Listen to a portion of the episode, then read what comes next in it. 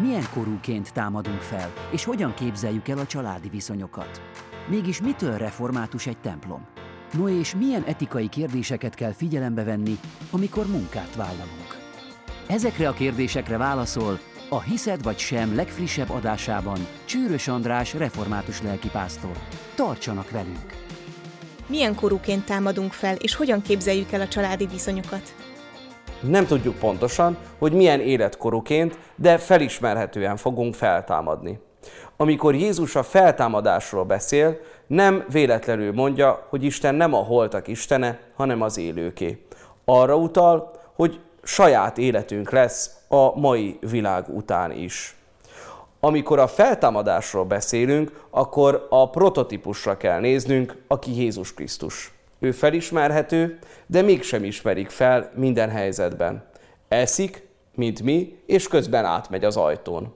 Jézus arról beszél, hogy a családi kapcsolatok nem számítanak majd, bár felismerhető Jézus a szerettei számára, mégsem fognak számítani ezek a kapcsolataink, hiszen Isten tökéletes szeretetébe illeszkedünk bele, és ezen a tökéletes szereteten keresztül fogunk egymásra nézni.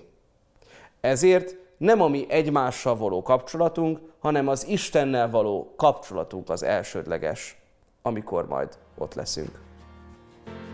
Mitől református egy templom? A református templomban Isten igéje van a középpontban. Kívül a tornyon vagy csillag vagy kakas található, belül pedig az úrasztala és a szószék van középen. Van sajátos református templomépítészet, mely leginkább a belső elrendezésen érhető tetten. A belső úgy van berendezve, mint ahogy a hitünk is. Isten igéje van a középpontban. Ennek jelképes megnyilvánulása szokott lenni, hogy az úrasztalán van egy szép, nyitott Biblia. Amikor egy középkori templom vált reformátussá, akkor is a belső berendezést úgy alakították át, hogy az Isten igéje legyen a középpontban. Ez persze nem azt jelenti, hogy minden református templom így van kialakítva, de minden református templomban valahogyan a figyelem középpontjában az ige van. Milyen etikai kérdéseket kell figyelembe venni, amikor munkát vállalunk? Amikor munkahelyet váltunk, érdemes megvizsgálni az új helyet a hit szempontjából is. Értékeset hozok létre a munkámmal? Segítem az embereket? Beleilleszkedek a Teremtő Istennek a szolgálatába?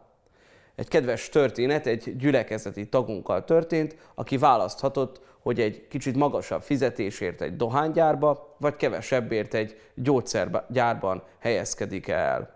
Ő az utóbbit választotta.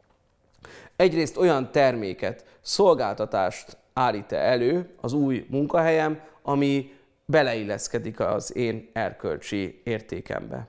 Például rendesen bejelenti-e az alkalmazottakat, nem jár el törvénytelenül, és még sorolhatnánk. A cég, ha nem is tud hogy ugyanolyan értékrenden lenni, mint mi, vagy mint amit Isten úgy érzünk, hogy a szívünkre helyezett, de vajon nem ellentétese ezzel?